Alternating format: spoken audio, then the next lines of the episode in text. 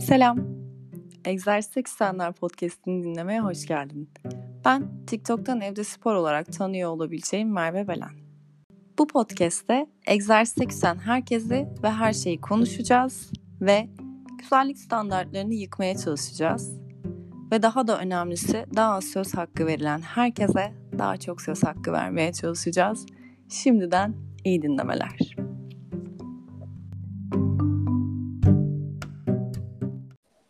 Selam, hepiniz Egzersize Küsenler Podcast'in yeni bölümüne hoş geldiniz. Naz hoş geldin. Benimle konuşmayı kabul ettiğin için çok teşekkür ederim. Nasılsın? İyiyim. Sen nasılsın? İyiyim. Ee, Naz'ın sesi kahvesini içememiş gibi geliyor. Doğru geliyor. Nasıl biliyorum. Naz o zaman çok e, klasik bir soruyla başlayacağım ama zor da bir soru. Naz kimdir? Dinleyenler için ufacık bir Naz'ı açıklayalım. Naz kimdir? Naz çok fazla kitap okuyan, aşırı yazmayı seven bir üniversite öğrencisidir. Bu kadar. Naz burada bugün Cenze'yi temsil ediyorum diyebilir misin? Ee, çok diyebilirim. çok şey yapmıyorum. çok cenzi olarak kendimi e, identify edemiyorum maalesef. Sebebi nedir eğer çok özel demezsen sorabilir miyim? Ya yok kendimi çok yaşlı hissediyorum bir yerden sonra. Sanki emekli doğmuşum gibi geliyor. Emekli doğmuşum gibi geliyor. Evet. Çok güzel bir soru. Ee, o zaman dinleyenlere şunu da söylemek istiyorum bir yandan. Naz'ın eski pilates antrenörüyüm ben aynı zamanda. Naz'la tanışmamız benim onun pilates antrenörü olmamla başladı. Ee, o yüzden bu sorunun cevabını galiba bilsem de yine de dinleyenler için soracağım. Sporla, egzersizle kaç yaşında ve hangi branşlarla tanıştın? Ee, kaç yaşında? Ee, 5 ya da 6 yaşında olmalı. İlk beni jimnastiğe yazdırdı annemler. Hı hı. Ee, ama hani bir anda oldu yani evet bugün bu hafta sonu seni jimnastiğe götürüyoruz hazırlan dediler. Okey dedim ben de. Hı hı. Gittim işte ondan sonra ben küçük bir sakatlanma yaşayıp jimnastik kariyerim 6 yaşında sona erdi. ee, Geçmiş olsun. yok ya boynumu şey yapmıştım o şey olmadı. Sonra zaten istemiyordum. Ee, bir şekilde e, voleybol başladım. En uzun süre yaptığım spor voleyboldu benim zaten. Hı hı. Ee, işte okulumun küçük hafta sonu şeylerinden başlayıp biraz daha hani e, iyi olan yerlerde devam ettim şey daha voleybolu ilk sıraya koyan spor şeylerinde devam ettim. Hı hı. Ee, ondan sonra yine bir sakatlık sonucu bıraktım voleybolu. Hı hı. Ee, sonra da işte bir süre yüzme yaptım. Ee, onu öyle doktor söyledi diye yaptım. Onu istediğim için yapmadım çok öyle söyleyeyim. Ondan sonra da bıraktım. Peki şöyle bir şey soracağım. Şu an okuyorsun, bir yandan staj yapıyorsun. Şu anki o düzeninin içerisinde egzersize ne kadar yer var? Ya da bulamıyorsan neden yok? Ha, şöyle hani ekstra bir salon yani bir training salona gittiğim bir yer yok. Ee, benim için en önemli şey günlük e, yürüyüşüm benim çok önemli. Yapmazsam kendimi hani depresif hissediyorum o kadar söyleyeyim. hani e, kulaklığımı takıp yani en az hani neden öyle bilmiyorum ama 10 bin adım atmak zorunda hissediyorum kendimi her gün.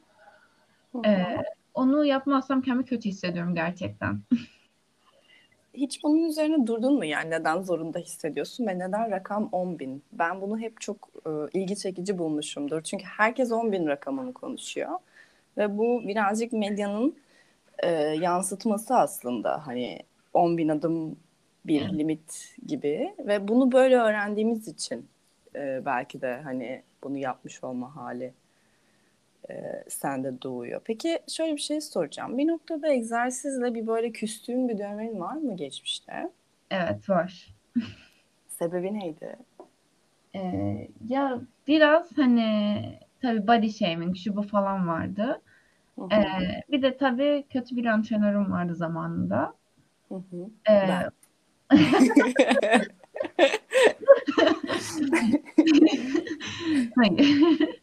Bir tane işte çok yani hoşuma gitmeyen bir antrenörüm vardı. Hani zaten bana karşı şeyini hep hissediyordum. o negatif yakla hani insanın hissedilir ya nasıl bana negatif davranıyor. Hissediyorum o bana karşı duymadığı sempatiyi. ee, öyle bir e, antrenörüm vardı. İşte bana bir kere işte ben ben bir dönem hani şey e, doktora gitme sebebim de zaten şeydi obezitenin e, eşi hani limit sınırındaydım. O sınır şeyindeydim ilkokuldayken.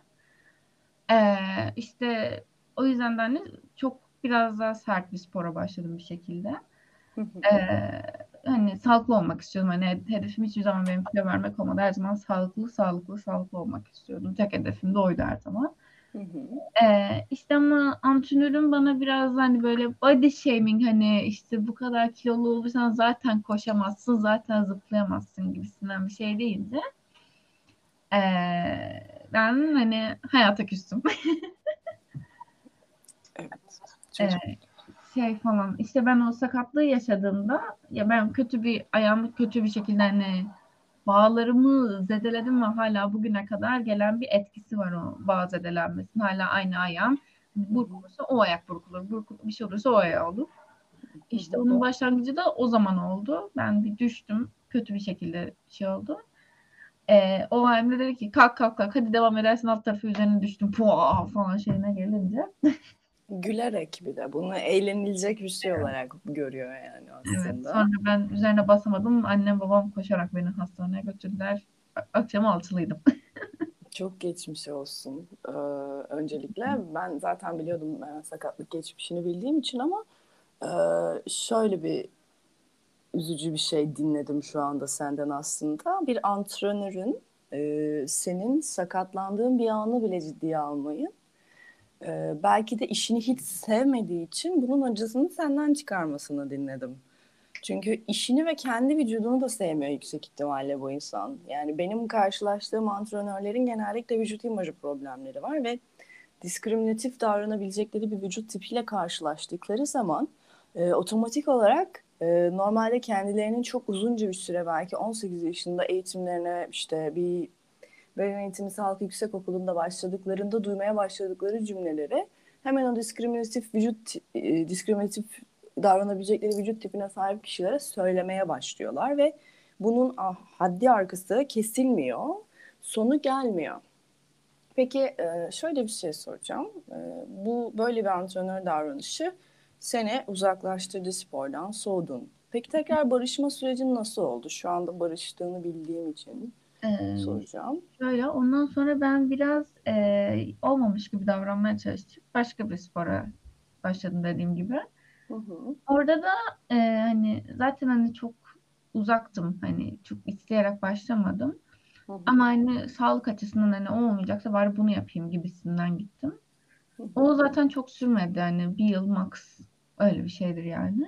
Hı hı. E, ondan sonra ben tamamen bıraktım. Öyle söyleyeyim. E, sonra zaten e, o obezite sınırını geçtim. Tam o obezite şeyindeydim. Ve e, işte bir gün bu ne zaman oluyor? Ortaokul son civarında, civarında oluyor. İşte böyle bir şekilde mezuniyet elbisesi bakmamız gerekiyor annemle.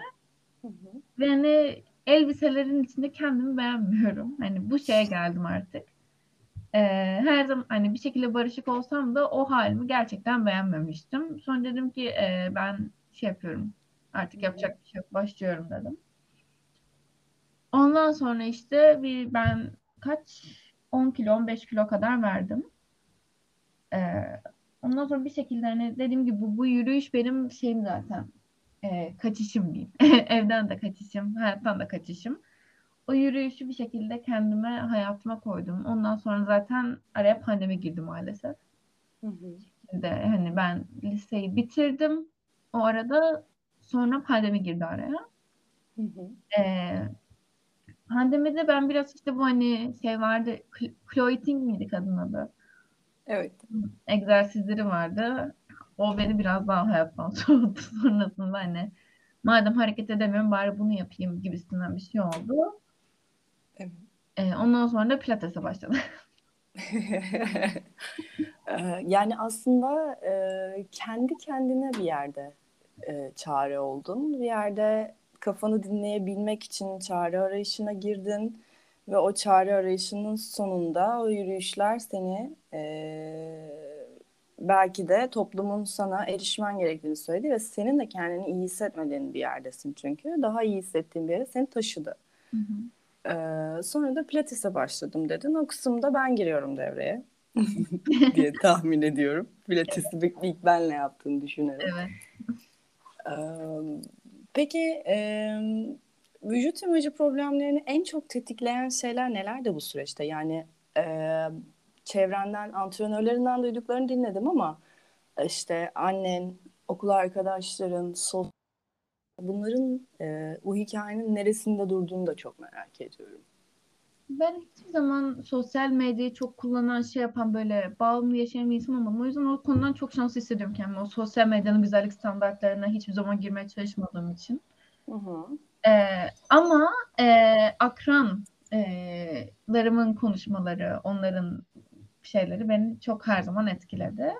Hı hı. İşte özellikle ortaokulda dediğim gibi o çizgideyken ben e, çok hoşuma gitmeyen cümle e, cümleler kuruldu bana. Hı hı. E, canımı acıtan cümleler. Hala hani aklıma gelince hani böyle e, gelip dolaşıp yine gecenin ikisinde duyulur ya kulakta o sesler. Hı hı. Hani hala duyduğum sesler o zaman e, söylendi bana. O benim en çok canımı yakan şeydi herhalde o dönem. O imajımı şey yapması. Yani aslında bir noktada tabiri caizse akran terörü yaşadım ve hani e, birazcık da çocuklar çok acımasız olabiliyor galiba. Kesinlikle.